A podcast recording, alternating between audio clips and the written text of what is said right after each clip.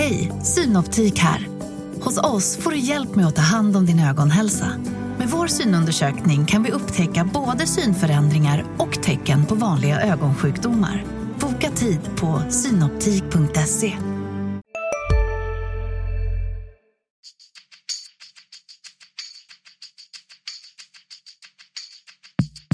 Skönt att komma ut och eh, bara lukta gräset. Så det, är, det är fotboll för mig. Är jag här och jag är väldigt glad att eh, kunna spela för det laget som jag har närmast om hjärtat. Om å skape tro, om å tro på det vi gjør, jobbe videre. Og vi skal bare ut der, og så skal vi levere. Og det skal vi jo. Basta.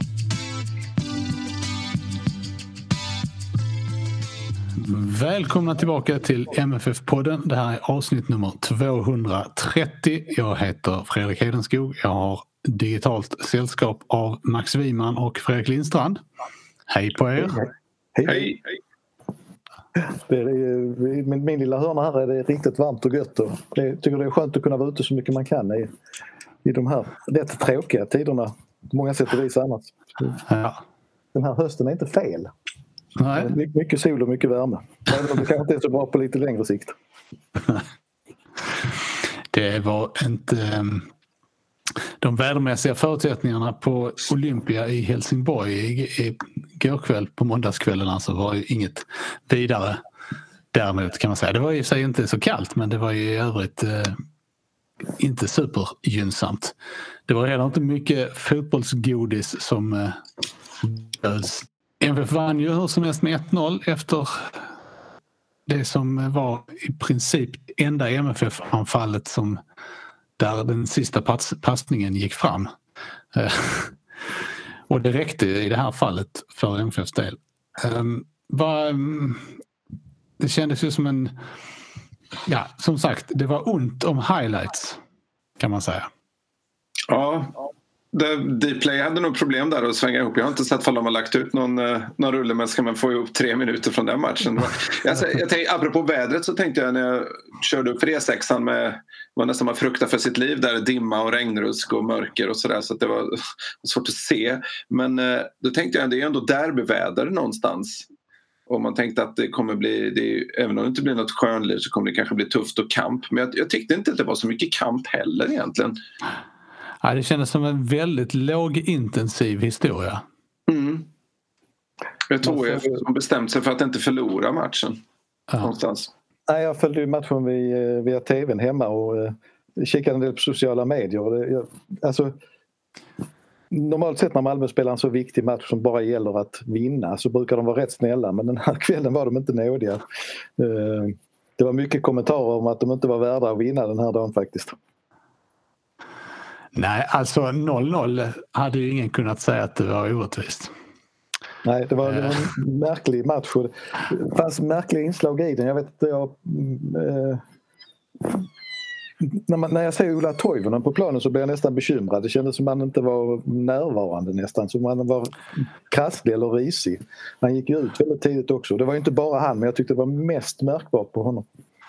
Det var kanske eh, utmärkelsen månadens spelare i oktober som man fick tidigare på måndagen som hade stigit Han har tagit på krafterna. åt huvudet. Nej, men det, såg, det såg faktiskt riktigt konstigt ut för att eh, han gav upp flera löpningar och sånt här liksom när han inte tog fighten. Och som sagt han var inte ensam men jag tyckte det var mest tydligt på honom. Ja, det var ju inte bara det. det alltså det som, det som normalt sett är hans adelsmärke, det vill säga bollbehandlingen, den var heller inte något vidare. Eh, och det är möjligt att han, eh, liksom många andra, till viss del är ursäktade av underlaget men det var ju otroligt många dåliga passningar. Framförallt från MFFs sida, skulle jag säga. Ja, Anders Christiansen slog också bort mycket passningar. En teori som egentligen poppar upp i mitt huvud just nu det är kanske så här ändå att hur ska man uttrycka det? Den här säsongen har ju varit rätt tuff med mycket matcher. Eh, att, och samtidigt så är, finns det ju inte riktigt vi försöker konstruera någon sorts spänning men jag tror att spelarna är rätt medvetna om att de kan inte gärna missa det här guldet och det kanske det är att det, vad ska man säga, energin börjar rinna av helt enkelt. Att det inte riktigt finns kraft eh, kvar man tog inte sig vidare i Europa och fick inte liksom den extra moroten utan att på något sätt så är det nog mer man bara vill ha någonting i mål än att den där riktiga drivet om ni förstår vad jag menar. Det kändes ju eh, det kändes som en match där eh, båda lagen egentligen hade varit ganska nöjda om det hade slutat 0-0. Sen råkade MFF göra ett mål. Det var lite den känslan man sitter med. Ja, det har varit spännande att se om det hade stått 0-0 i paus, vad som hade hänt då. För att MFF eh, fick ju ingen effekt av vilan. Där trodde jag ändå att man skulle se ett lite, lite nyare lag i, i andra halvlek på något sätt. Eller lite nyare mentalitet liksom. Men det, var, det hände inte direkt någonting. Och, och MFF fick ingen effekt på bytena heller egentligen. Däremot var det ju ett klassmål, det måste man säga. Och Erdal Rakips lilla chip där var ju matchens passning om man uttrycker det så. den konkurrensen var inte mördande. Nej, men det, det, den var ju briljant. Det var ju liksom spelförståelse på hög nivå. Att om jag lyfter den lite grann här så det blir, blir det större chans att den kommer fram och blir till ett bra läge. Det, han var väl en av de som bjöd till så att säga. Jag tyckte också att Lasse, Lasse Nilsen var väldigt duktig igår faktiskt. Ehm, man får, ju, man får ju säga då alltså efter um, ja, både efter ledningsmålet men oavsett om det hade kommit då eller senare eller inte alls så utsattes ju inte Marco Johansson för sådär jättemånga svåra prövningar i mål. HF, när man ser den här matchen eh, Eh, och jag tittade på den liksom mer intensivt än vad jag har sett eh, HF tidigare den här säsongen så förstår man ju varför de ligger eh, där de ligger. För även om det stundtals kan se bra ut ute på planen så är det väldigt uddlöst. Mm. Eh, för de kom, alltså jag tyckte HF spelade ett ganska bra spel. De pumpar ju verkligen in inlägg på ett, eh, på ett närmast fascinerande vis. Men där stod ju Anel Ahmedhodzic och Lasse Nilsson och tog bort det mesta. Och det som de inte tog bort kunde Marco Johansson ganska enkelt fånga i skopan. Eh, så det, det, det fanns inte någon spets där inne alls. Hade MFF, alltså hade Isak Estelin fått byta lag så hade, känns det som att de hade nog HIF i alla fall fått oavgjort i, i den här matchen minst. Liksom. För det, de, det, var, det var ju det som gjorde skillnaden egentligen. Mm. Han var ju också, jag tror att HF hade 13 hörnor eller någonting sånt. Mm. Eh, det var ju, Thelin nickade bort flera stycken av dem. Eh, vi pratade om detta efter, efter Djurgårdsmatchen där, där MFF hade gigantiska problem på, på hörnor i slutet. Um, så det, det kändes ju lite grann som att de kanske hade lagt lite fokus på detta. Ja, plus att han var på planen. Och jo. alltså det är ju viktigt att ha den typen av spelare som, som behärskar den konsten. Att, att, eh, att vara försvarsspelare även om du är anfallsspelare i vanliga fall. Erdal Rakip sa ju efter matchen att, eh, eller han höll ju med om att det var en ganska dålig prestation totalt sett för MFF men att han, men han sa också att ja, om några år så är det ingen som minns hur spelet såg ut i den här matchen. Nej, precis som att vi förmodligen inte minns att MFF gjorde rätt kassa matcher 2017, 2016, 2013, 2014, 2010. Alltså, man minns ju inte de där. Nej, man kommer heller inte minnas att, att de spelade jättebra i 75 minuter mot Djurgården. Nej. um, men, blev... men uh, ja, förlåt Max. Nej, det blev en konstig säsong överhuvudtaget på något sätt. Det känns ju inte som det är så mycket som kommer att vara minnesvärt från den överhuvudtaget. Det är inte, det är inte många matcher heller som sticker ut eller många vad ska vi säga, Anel Ahmedhodzic är ju ett sånt genombrott som man kan komma ihåg den här säsongen för. Men det, det, det är ju rätt så... Det är en annorlunda säsong på alla sätt och vis.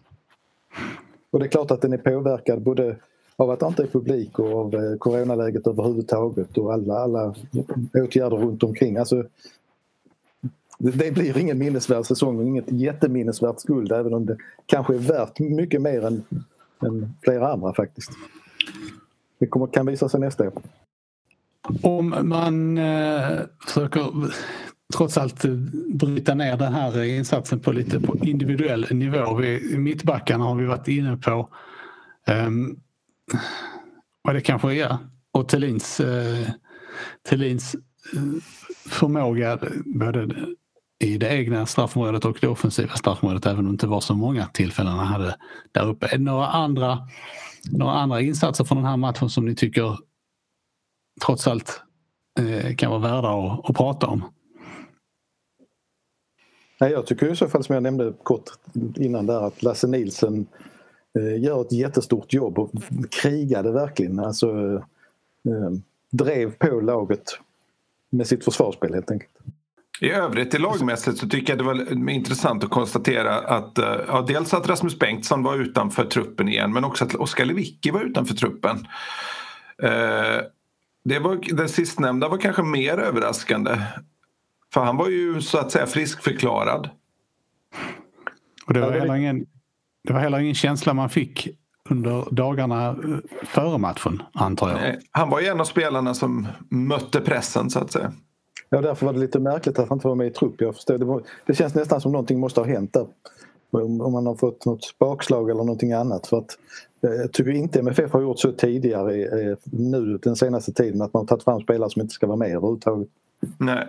Nej, det är märkligt också. Så det kunde ju också äventyrat, äh, äventyrat prestationen. Så det är så, som sagt svårt att säga. Han kanske har fått något sent bakslag. Men när Bonk Innocent kommer in och gör ja, och nu gör ett ganska dåligt äh, inhopp. Äh, spelar rätt riskfyllt som eh, i den eh, balansrollen han har där när man någonstans hoppas att han ska säkra defensiven. Det var inte så att det blev lugnare när eh, man bytte ut en offensiv spelare och tog in en mer defensiv inriktad då, vilket ju är den förmodade effekten man eftersöker. Varför, varför blir det så då? Det där Oskar Lewicki är ju till exempel en mycket, mycket bättre passningsspelare. Ja. Där, Nej, men jag tänker att man, att, inte, att man inte får den effekten av det bytet som man vill ha. Men jag tror det handlar också om att Bonke Innocent har varit borta väldigt, väldigt länge och inte spelat matcher. Eh, och det syns väldigt tydligt. Eh, ingen timing i honom överhuvudtaget. Så jag, eh, jag är lite förvånad. Alternativen är inte så många men, men eh, jag är lite förvånad att han nästan får speltid överhuvudtaget som det ser ut just nu. Jo, man får ju säga ändå att eh, det kollektiva försvarsspelet fungerade bra. HF skapade som sagt inte särskilt mycket. Men nick från straffpunkten ungefär. Eh, och där ska man ju säga att det kan man ju sådana avslut kan man ju släppa till eh, hur många som helst för de, de släpper inte Marco Johansson in. Eh, den, den typen av avslut är ju liksom det som han är absolut bäst på att hantera. Hur mycket av detta var, var MFFs förtjänst och hur mycket var eh, berodde det på eh, liksom bristande spets hos, hos HF? Det beror, ja. kanske, ja, det beror främst på bristande spets tycker jag. Alltså, eh, det, MFF gör ju en defensivt jättebra match. Eh, eller snarare så här, MFFs mittbackspar gör en defensivt väldigt, väldigt bra match. Eh, men de har ju i ärlighetens namn ett ganska tacksamt uppdrag. För det, det, det, när de nickar undan bollarna så är det ju sällan det är ett, ett jättehotat läge. De har, det, det är oftast att de får stå de står rätt placerade och nickar bort bollen. De, det är sällan de är uppe i en nickduell och nickar bort bollen tycker jag. Jag tyckte det såg lite farligt ut typ första kvarten. Då anföll HF mer i djupled och det kändes som att de skulle kunna såra och krossa igenom. Eh, men sen är det, tycker jag som Fredrik säger, att det kändes som att MFF hade kontroll. De var inte pålästa vad som väntade. Det kändes som att det var matchplanen höll defensivt väldigt väl. Men sen tror jag definitivt inte att någon hade räknat med att det skulle se ut som det gjorde när de väl fick boll. Att man tappade den väldigt snabbt och inte hade något kontrollerat passningsspel långa stunder överhuvudtaget. Om man eh, tittar bakom MFF då, för att det känns som att det finns inte så mycket mer i ärlighetens namn att säga om den här matchen faktiskt. eh, så är det ju nu så att MFF eh, kan alltså bli svenska mästare söndag. Eh, man kan rent av vid redan innan man spelar mot Sirius om Elfsborg förlorar på lördagen och Häcken som också spelar på lördag tappar poäng och Djurgården tappar poäng tidigare på söndagen innan MFF spelar. Men oavsett hur det går i de matcherna så blir MFF då svenska mästare vid seger eh, hemma mot Sirius. Och om man tittar på, på hur det ser ut bakom MFF så är det då så att Elfsborg kan nå eh, maximalt 55 poäng. Vilket då är det sämsta resultatet för en tabelltvåa sedan 16-lags allsvenskan infördes 2008. Jag trodde du skulle säga sedan 1600-talet. det känns nästan så. Um, Och har ni någon teori om varför är det så här? Är det bara liksom den här eh, så att säga pandemi påverkar säsongen som ligger bakom eller hittar ni andra förklaringar till, till detta? Ja, det, när det är så stökig säsong så, är, så är, vad, vad, behöver man då? Man behöver stabilitet och jämnhet eh, framförallt för att, för att liksom ha en hög lägstanivå. Det kommer ju bli att alla går på pumpar eh, så att säga under en, under en sån här säsong när det är så tätt. MFF har ju gått på överlägset färskt sådana och därför toppar man serien med 10 poäng vilket vilket ju, är, vilket ju också är den största marginalen under 16-lags eh, sedan 16-lagsövergången 2008. Då. Eh, däremot MFF har vid den här tidpunkten ledat med 9 poäng några gånger tidigare men då har man ju slått rekordet då med en poäng. Eh, så det, det, tycker väl jag är det främsta att MFF ändå haft även om det var svårt att tyda de linjerna i början av säsongen så tycker jag ändå MFF har satt ett grundspel och jobbat efter en tydlig plan. Den har fått fortgå hela året. Alltså, det går, ju, det går ju att kritisera en del i Jon Dahl Tomassons laguttagningar och så här, det har vi gjort och vi tycker att det varit märkligt att sätta eh, Safari på bänken i många matcher. Till exempel Djurgården borta hade man ju till exempel med lite annan matchcoaching kanske kunnat hit, hit, liksom, med mer rutin på planen kunnat få ett annan, en annan utgång. Men det har ju ändå funnits en... Eh, det är ju liksom så enskilda fall man kan hitta de sakerna men det har funnits en röd tråd hela tiden. Eh, och det tror jag har varit jätteviktigt den här säsongen. Jag tycker inte att det riktigt går att hitta i andra klubbar som har liksom ändrat eh, spelsätt ändrat eh, mentalitet och hur man tar sig an matcher och så vidare. Det, nu är det så, såklart svårt att säga i varje specifikt fall eftersom man inte har sett alla matcher med alla de andra topplagen. Liksom. Det, det går inte att följa Va? varje lag på det viset. Jag får erkänna det helt enkelt. uh, men, men det, för det är ju inte så att det har saknats turbulens i Malmö FF. De, alltså, dels en ny tränare den eh, 232 nu då på fem år eller vad det blir med tanke på hur ofta de byter tränare. Och eh, sen har de ju liksom, alltså hela stommen saknades ju, centrallinjen saknades ju under en period här i, i, i somras. Och, och framförallt då kanske Johan Dahlins skada har gjort stor skillnad. Och sen gick de ju långt ett Europakval också och så vidare. Så det, det har ju hänt väldigt mycket i Malmö FF också. Men har man en organisation, en struktur och ja, och, och, en vilja att jobba stenhårt liksom, så då, då, då, då kommer man långt.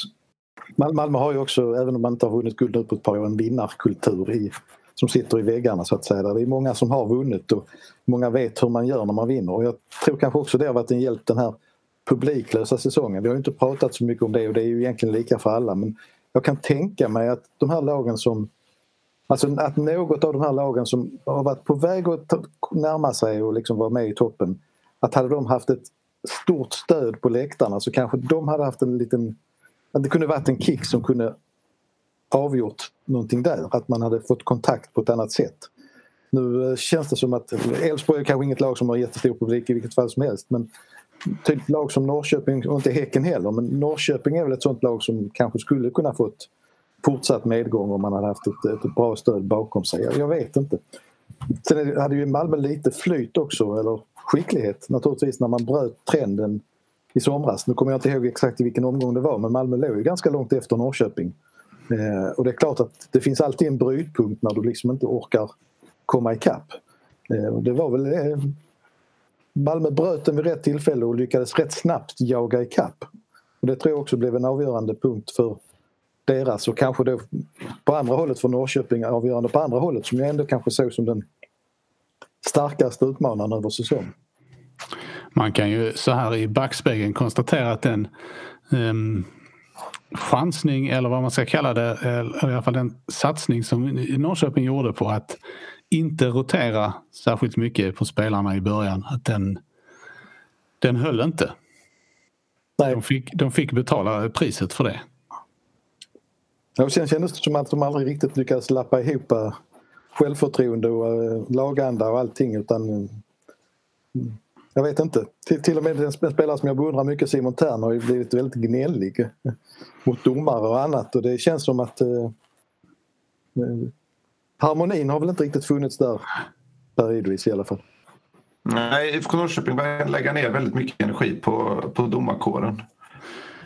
Men där, där, kan man, där får man ju lite grann eh, när man har, tycker jag, en tränare som, som uttrycker sig exakt så och eh, skäller och gormar hela tiden. Mm. Då hamnar man ju där förr eller senare med spelarna också. Ja, om du inte har, eh, vad ska man säga, den där inbyggda vinnarmentaliteten. Att du, du på något sätt bryggar över alla såna här grejer på ett naturligare sätt. Jag tror att MFF har lite lättare att göra det. Och säkert hade hjälp av att man spelade några Europamatcher också under den här sommarperioden. Det låter konstigt när det ändå var så mycket matcher men det, det fanns liksom en morot till. Eh, som av tradition är viktig i klubb. Sen har, sen har MFF viss hjälp av att man har den största truppen och de bästa spelarna också. det tenderar till att spela in. Men, men också att man har en väldigt väl... Alltså ekonomin är ju, ligger ju till grund för det men också vetskapen av att vi kan hantera det här året. Vi kommer inte gå i konkurs, vi kommer inte hamna i en krissituation. Alltså, för många andra klubbar har det varit, ändå varit ett, ett energiläckage i, i, i den aspekten. Hej, Ulf Kristersson här. På många sätt är det en mörk tid vi lever i. Men nu tar vi ett stort steg för att göra Sverige till en tryggare och säkrare plats. Sverige är nu medlem i Nato. En för alla, alla för en. Har du också valt att bli egen? Då är det viktigt att skaffa en bra företagsförsäkring. Hos oss är alla småföretag stora och inga frågor för små. Swedeas företagsförsäkring är anpassad för mindre företag och täcker även sånt som din hemförsäkring inte täcker. Gå in på swedea.se företag och jämför själv. De har behövt, även om det kanske inte är något som pratas om i omklädningsrummet så, så de, de hör ju ändå snacket liksom. Medan MFF kan ändå stå ganska, ganska stabilt i, i, i blåsten. Nej, det är självklart, vi, vi pratar ju för lite om det att eh, spelartruppen är ju trots att man ändå har gjort av med många spelare under säsongen så är den ju Eh, var bred och på många sätt välkomponerad och med individuella toppar då som vi får väl säga ändå Annel i backlinjen det här året och Anders Christiansen självklart. Oskar Lewicki i många matcher. Alltså du har haft en eh, grundtrygghet i många. Sen är det andra spelare som har klivit fram i enstaka matcher. Isak Kiese har gjort många viktiga mål. Eh, det är klart att det, den, den jämnheten och stabiliteten har inte något annat lag varit i närheten av. Det är andra spelare man ska nämna som Haksabanovic i, i Norrköping som började helt fantastiskt och som väl sen har försvunnit.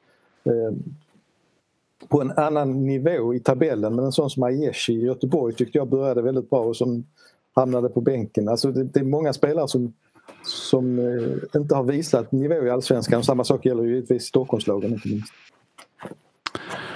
Eh, den här ehm, eh, så att säga, oförmågan att, att hänga på MFF har ju också manifesterats tydligt i antalet oavgjorda matcher den här säsongen.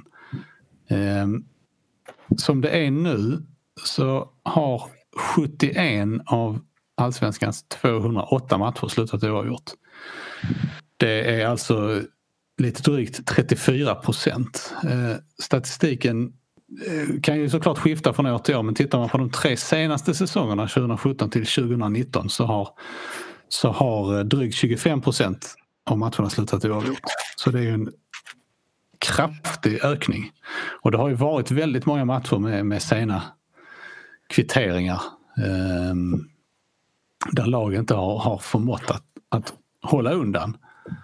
Eh, och det tänker jag att det känns ju ändå som att det är någonstans grundar sig i Eh, det, det komprimerade spelprogrammet och de, och de speciella förutsättningar som har rått den här säsongen. Eh, och då, då är frågan, är det är det liksom, är det, kommer vi tillbaka till, till truppbredd och, eh, och liksom individuell kompetens där som, som gör att, att MFF har undvikit den fällan oftare än andra lag? Eller är det, kan man prata om en, en vad ska man säga, alltså att spelprinciperna, har de spelat in där också? Tycker ni? en väldigt lång fråga. Ni får bena ut om det finns ett svar någonstans. Nej, men det är väl som Fredrik har varit inne på innan, har man en trygghet i vad man gör och man eh, eh kan fortsätta med det över tid eh, så ger det naturligtvis resultat. Sen i vissa stunder har det kanske sett det har varit lite upp och ner men i vissa matcher har Malmö varit väldigt starka mot slutet. I andra har man ju faktiskt inte varit det men generellt så ändå är det väl att du har du kunnat rotera mer och använda fler spelare så har du kanske varit fräschare än många andra lag. Det, det, är, en, det är väl en rimlig förklaring. Eller? Ja, det är, just de oavgjorda matcherna är ju påfallande många bland just utmanarna också. Elfsborg har ju spelat oavgjort i, i hälften av sina matcher. Det är fantastiskt många. Ja, det är Och ofta de här lagen spelat oavgjort mot varandra dessutom tror jag. Mm. Jo, det är ju så det, är ju så det har sett ut många säsonger tidigare när, när eh, MFF inte minst har, har kunnat dra ifrån. Eh, även om det liksom är ännu mer uttalat denna säsongen. Eh, när vi pratar poäng så, så kan det vara värt att påpeka också att om MFF går fullt och vinner sina fyra sista matcher så kommer man komma upp i samma poängskörd som räckte till en andra plats förra året. Mm. Och det kommer då i så fall i år att ge en fullständigt överlägsen serieseger. Och det säger en del. Jag tror också det är så här, jag tror jag sagt det här flera gånger tidigare att om allsvenskan blir jämn då vinner nästan alltid Malmö FF. Alltså när inte ett eller två lag verkligen kan utmana Eh, så är Malmö det, det laget som är stabilast eh, över tid. Det, det, det är nog så. Sen tror jag dessutom vad det gäller då slutpoängen, om vi ponerar att Malmö kanske fixar det redan nu här mot Sirius så tror jag inte att de tar så många poäng på slutet sen kanske. Jag tror att det är rätt lätt att energin rinner av. Vi har sett det tidigare något år. Eh, men eh, det är ju andra lag som kanske har mer att spela för då i de här lägena.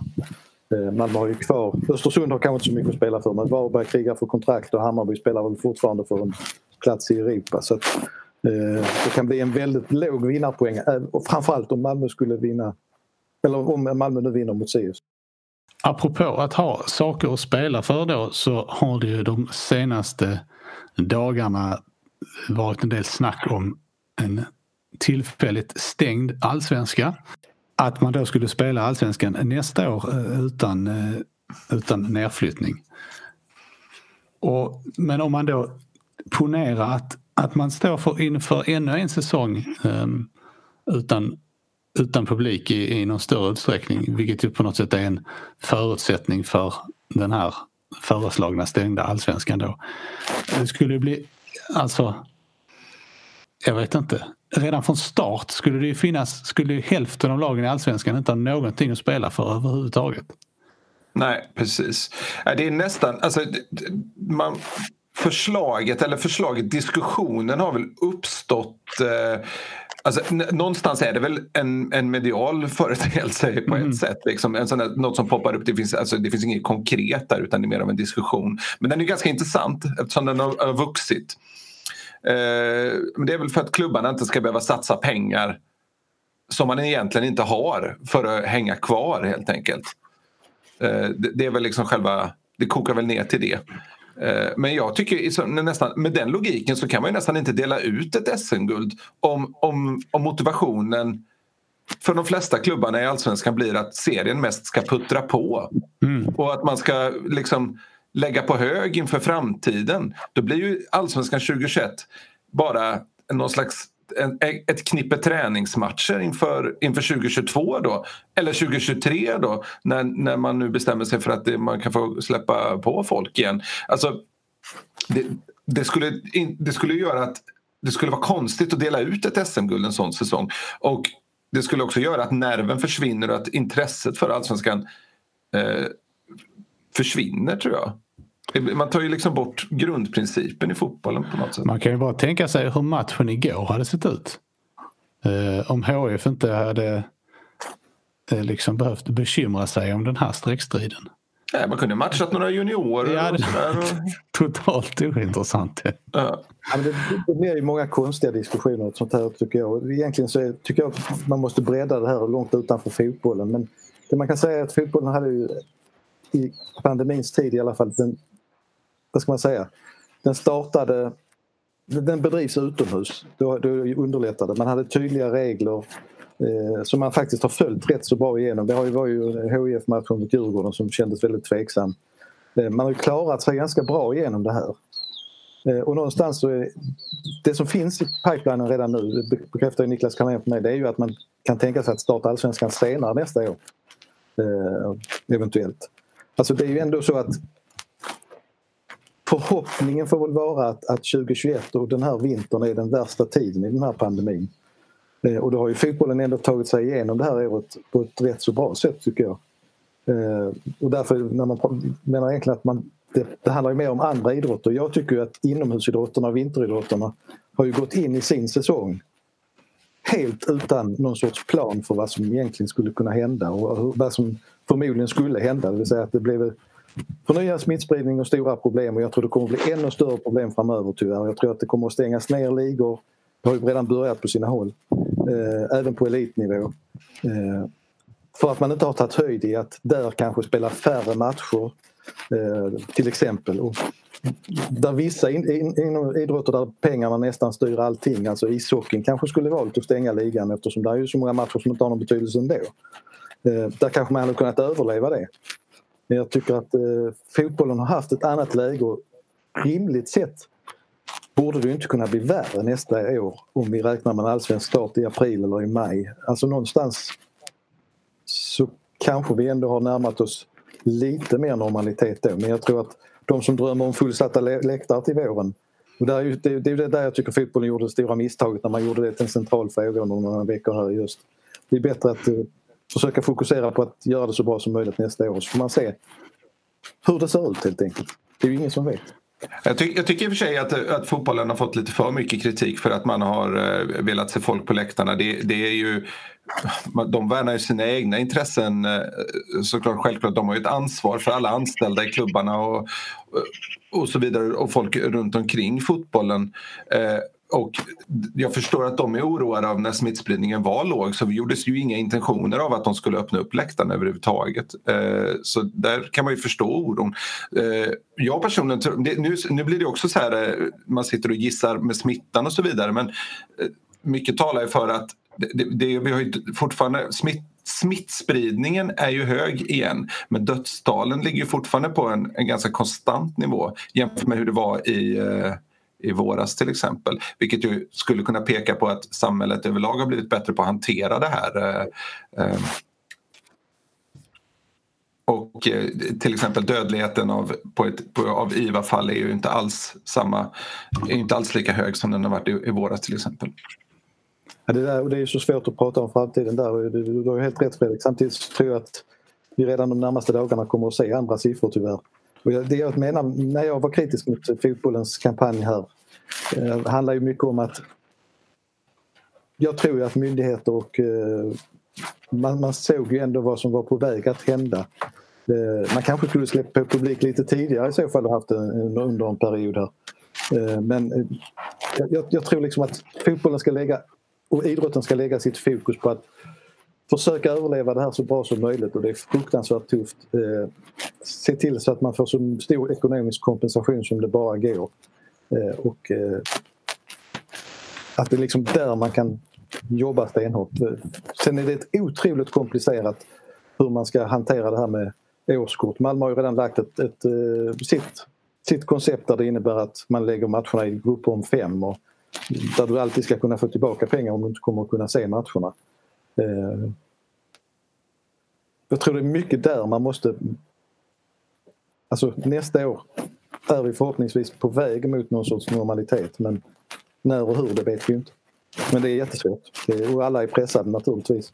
Det är svårt ja, det att säga. Det är, det är spännande väldigt... epidemiologiska utläggningar här. Ja, men det, det, blir ju, det blir ju någonstans är det som är politikernas uppgifter. Det är ju, det är ju ett pragmatiskt jobb i stor utsträckning för, för politiker. För det handlar ju om någonstans att hela tiden värdera. Är åtgärderna, är våra reaktioner rimliga? Alltså sätt. Och då, och då någonstans så kommer man ju, kokar det ju hela tiden ner till att vi måste värdera hur, många, hur stor är smittspridningen, hur många riskerar att avlida kontra hur, hur, hur, hur påverkas ekonomin? Det blir pengar mot liv på ett sätt som är ja, det, det, det är en enormt svår och stor fråga. Det, för det, någonstans är det ju där man hamnar till slut. Sen jag sa jag tycker just framförallt fotbollen, för jag tycker inte inomhussoldaterna har nått dit på något sätt. För att de har så stora problem redan. Alltså mycket mer smittspridning och mycket mer strul om jag uttrycker det så. Men fotbollen var väldigt viktig att den kom igång i somras. Det var liksom ett tecken på lite av det normala livet men ändå med väldigt tydliga regler runt det med avstånd och ingen publik och ja, ni vet det här liksom spelarna fortfarande sitter långt ifrån varandra på, på eh, läktaren, de som är ersättare. Det, är ju, det finns ett symbolvärde i det och jag tror det, det är ju naturligtvis väldigt viktigt att idrotten kan vara det här symbolvärdet också som en länk till det mer normala men jag tror att vi får... Eh, eh hur ska man uttrycka det? Det, det, det, är svårare med vinteridrotterna och jag tror att vi kommer att se mer pausad idrott framöver här. Eh, och jag tror att hade de, hade de, de idrotterna gått in med lite annan bild framför sig så hade man kanske klarat det bättre. Lite dystra profetior där men eh, Förhoppningsvis ska väl fotbollen som sagt kunna gå in i något mer normal värld eh, även om vi kommer att vara långt ifrån tillbaka där vi var för ett år sedan. Men om ni får gissa då, alltså om man eh, tolkar de här signalerna som, som eh, från Kalnén då bland andra om, om en lite senare start och så kombinerar man det med det faktum att Uefa ska trycka in ett EM också i sommar. Eh, det som ställdes in denna sommaren. Och som ser ut att avgöras i Ryssland till min stora förskräckelse. när jag kom hem från VM 2018 så kände jag det var roligt. Det var roligt och, och, och, en verkligen stor upplevelse men inte igen tack. så ser det väl ut som att man ska dit igen då till sommar. Eh, men vad tror ni, vad är rimligt att tro då om, om en allsvensk start 2021? Ja, det har väl viskats lite om maj, att det är någonstans där. Det, det hänger ju såklart på EM, men, men någonstans i maj. Alltså, och så, alltså, är det någonting som man tyckt att det går, visat sig i år så är det ju faktiskt att det går att spela fotboll lite längre in på hösten i Sverige. Speciellt då kanske om det ska fortsätta vara 18 grader i november men med de klimatförändringar som vi står inför så är väl det också en sannolikhet. Eh, men eh, ja, liksom att man spelar maj-november då och håller det ganska tätt och tajt även i år. Även nästa år, förlåt. Alltså, just vad det gäller allsvenskan tror jag att det, det kommer att vara målet och det är sannolikt att det skulle kunna fungera. Det är ju vägen dit nu också som man måste fundera över. Jag vet inte om ni har sett och eh, läst. Nu är det ju mycket smittspridning i flera stora lag i Europa. Ehm, och som tyder på att, återigen det där att det kommer nog kanske bli pauser både här och där. Eh, det är lätt att glömma hur det var i våras när allting stängde ner. Eh, och då är ju frågan liksom hur det förskjuter den internationella delen. Jag tycker ju det är tråkigt och det, det är en ännu större fråga men att, att de internationella idrottsförbunden generellt har drivit på så mycket med att spela så mycket internationellt som man har gjort. Eh, det finns mycket man kunde strukit den här hösten för att markera och spara kraft och tid och allt möjligt. Jag menar fotbollens Nations League tror jag inte det är många som har brytt sig om den här hösten. Den kan jag förstå att man vill driva... Nej, det är många som inte bryr sig om den en eh, vanlig höst. Nej, Så att... att Champions League och Europa League, att man väldigt gärna vill klara av dem. Men man kanske till och med där skulle hitta, hittat andra former med färre inblandade lag. Jag vet inte. Det är mycket vi inte vet från framåt vår. Vi får återkomma i det ärendet. Vi kommer också att återkomma i vad gäller Malmö FF och eventuella, eventuellt guldfirande. Eh, tills dess så har detta varit... Vi ska väl bara för säga för eh, lust, Förlåt, förlåt, jag bara bryter in här. Jag måste bara säga att, eh, det, det, att eh, vi pratade om att guldet kunde, eller jag pratade om att guldet kunde säkras på Tele2 och att det kanske vore en tydlig symbolik. Det kan ju faktiskt bli en ännu tydligare symbolik om Malmö FF säkrar guldet mot Sirius på söndag. Och i omgången efter då så tvingas Zlatans lag rada upp sig för en Guard of Honor på sin egen hemmaarena när svenska mästarna Malmö FF kliver in där. Det, undrar om klubbägarna också formerar sig i en Guard of Honor i sådana fall. Ja, det tror han, jag tror att Zlatan kommer att dela ut eh, pokalen. Ja, Zlatan har nog eh, annat att tänka på. Han kan väl fortsätta ösa in mål i Europa och lär väl hämta sin, eh, ja vad blir det, 34 guldboll där eh, lite senare den veckan. Eh, det är ju intressant att se om, det, det är mycket spekulationer kring det här om det verkligen i det här läget blir så att de ställer upp, det vet man inte. Men jag tänkte på en annan sak, Jag var också på väg att avbryta dig Fredrik, det här med guldfirande är nästa sak då. Eh, jag vet, eh, eller jag ska, jag ska inte säga att jag, jag vet, men jag har ju hört på tongångarna att Malmö FF funderade, ju, funderade redan i somras när det var cupfinalen hur man skulle hantera så att det inte blev ett firande om jag uttrycker det så. Alltså då fanns det en plan att man skulle uppmana folk att inte komma till stadion när laget kom hem och så vidare. Och det är den, den tråkiga delen av detta men viktigt att respektera för alla inblandade just nu är naturligtvis att, att också fira ett guld på något ansvarsfullt sätt som inte är det normala. Men glad kan man få vara om man känner för det. Man får Nej, man vara kan... det. Självklart ska man vara det men man kan ju se scenarion framför sig redan nu om Malmö skulle säkra guldet redan innan avspark mot Sirius. Hur lätt det skulle kunna vara att folk börjar samlas redan under matchen. Men känns det som att det, känns det, som att det ligger något sånt i luften då? Nej, men det är det man inte vet eftersom det, det Jag tycker att liksom det... Den här, den här publiklösa säsongen har ju varit liksom, har ju gjort lite grann att att man har, man har tappat liksom känslan för det lite. Ja, jag kan bara referera till cupfinalen där det samlades en 300-400 Göteborgssupportrar eh, tätt, eh, väldigt tätt intill mot spelaringången på Ullevi. Ja, och jo, men de har ju så när, himla när långt mellan sina När Gais besegrade ÖIS i derbyt i Superettan så var det också en, en viss folksamling utanför. Eh, gamla... Men eh, det ni säger nu tyder på att det är ett isolerat Göteborgsfenomen. Helt klart. Det man hörde igår på Olympia var man hörde MFF ramsar efter avblåsningen. Jag tror det var folk som stod utanför. Jag vill bara for the record också för, föra in att eh, på tal om stängda serier så är jag ju eh, generellt emot det men om vi skulle stänga superettan eh, 2020 så är jag helt för. Ja, då kan det bli, eh, ska man flytta upp lag också? Eh, om man inte ska, om man ska eh, flytta upp lag från superettan utan att flytta ner lag från allsvenskan så är ju, då måste man ju fylla på i superettan också så då är ju Ljungskile på oerhört säker mark. Ja, man vänder på tabellen. Då är nästa snart ett mittenlag. Exakt. Det här har varit avsnitt nummer 230 av MFF-podden där vi anser att konstgräs ska förbjudas i svensk elitfotboll. Jag heter Fredrik Hedenskog, jag har haft sällskap av Max Wiman och Fredrik Lindstrand och ansvarig utgivare är Jonas Kanje. Tack för oss, hej hej!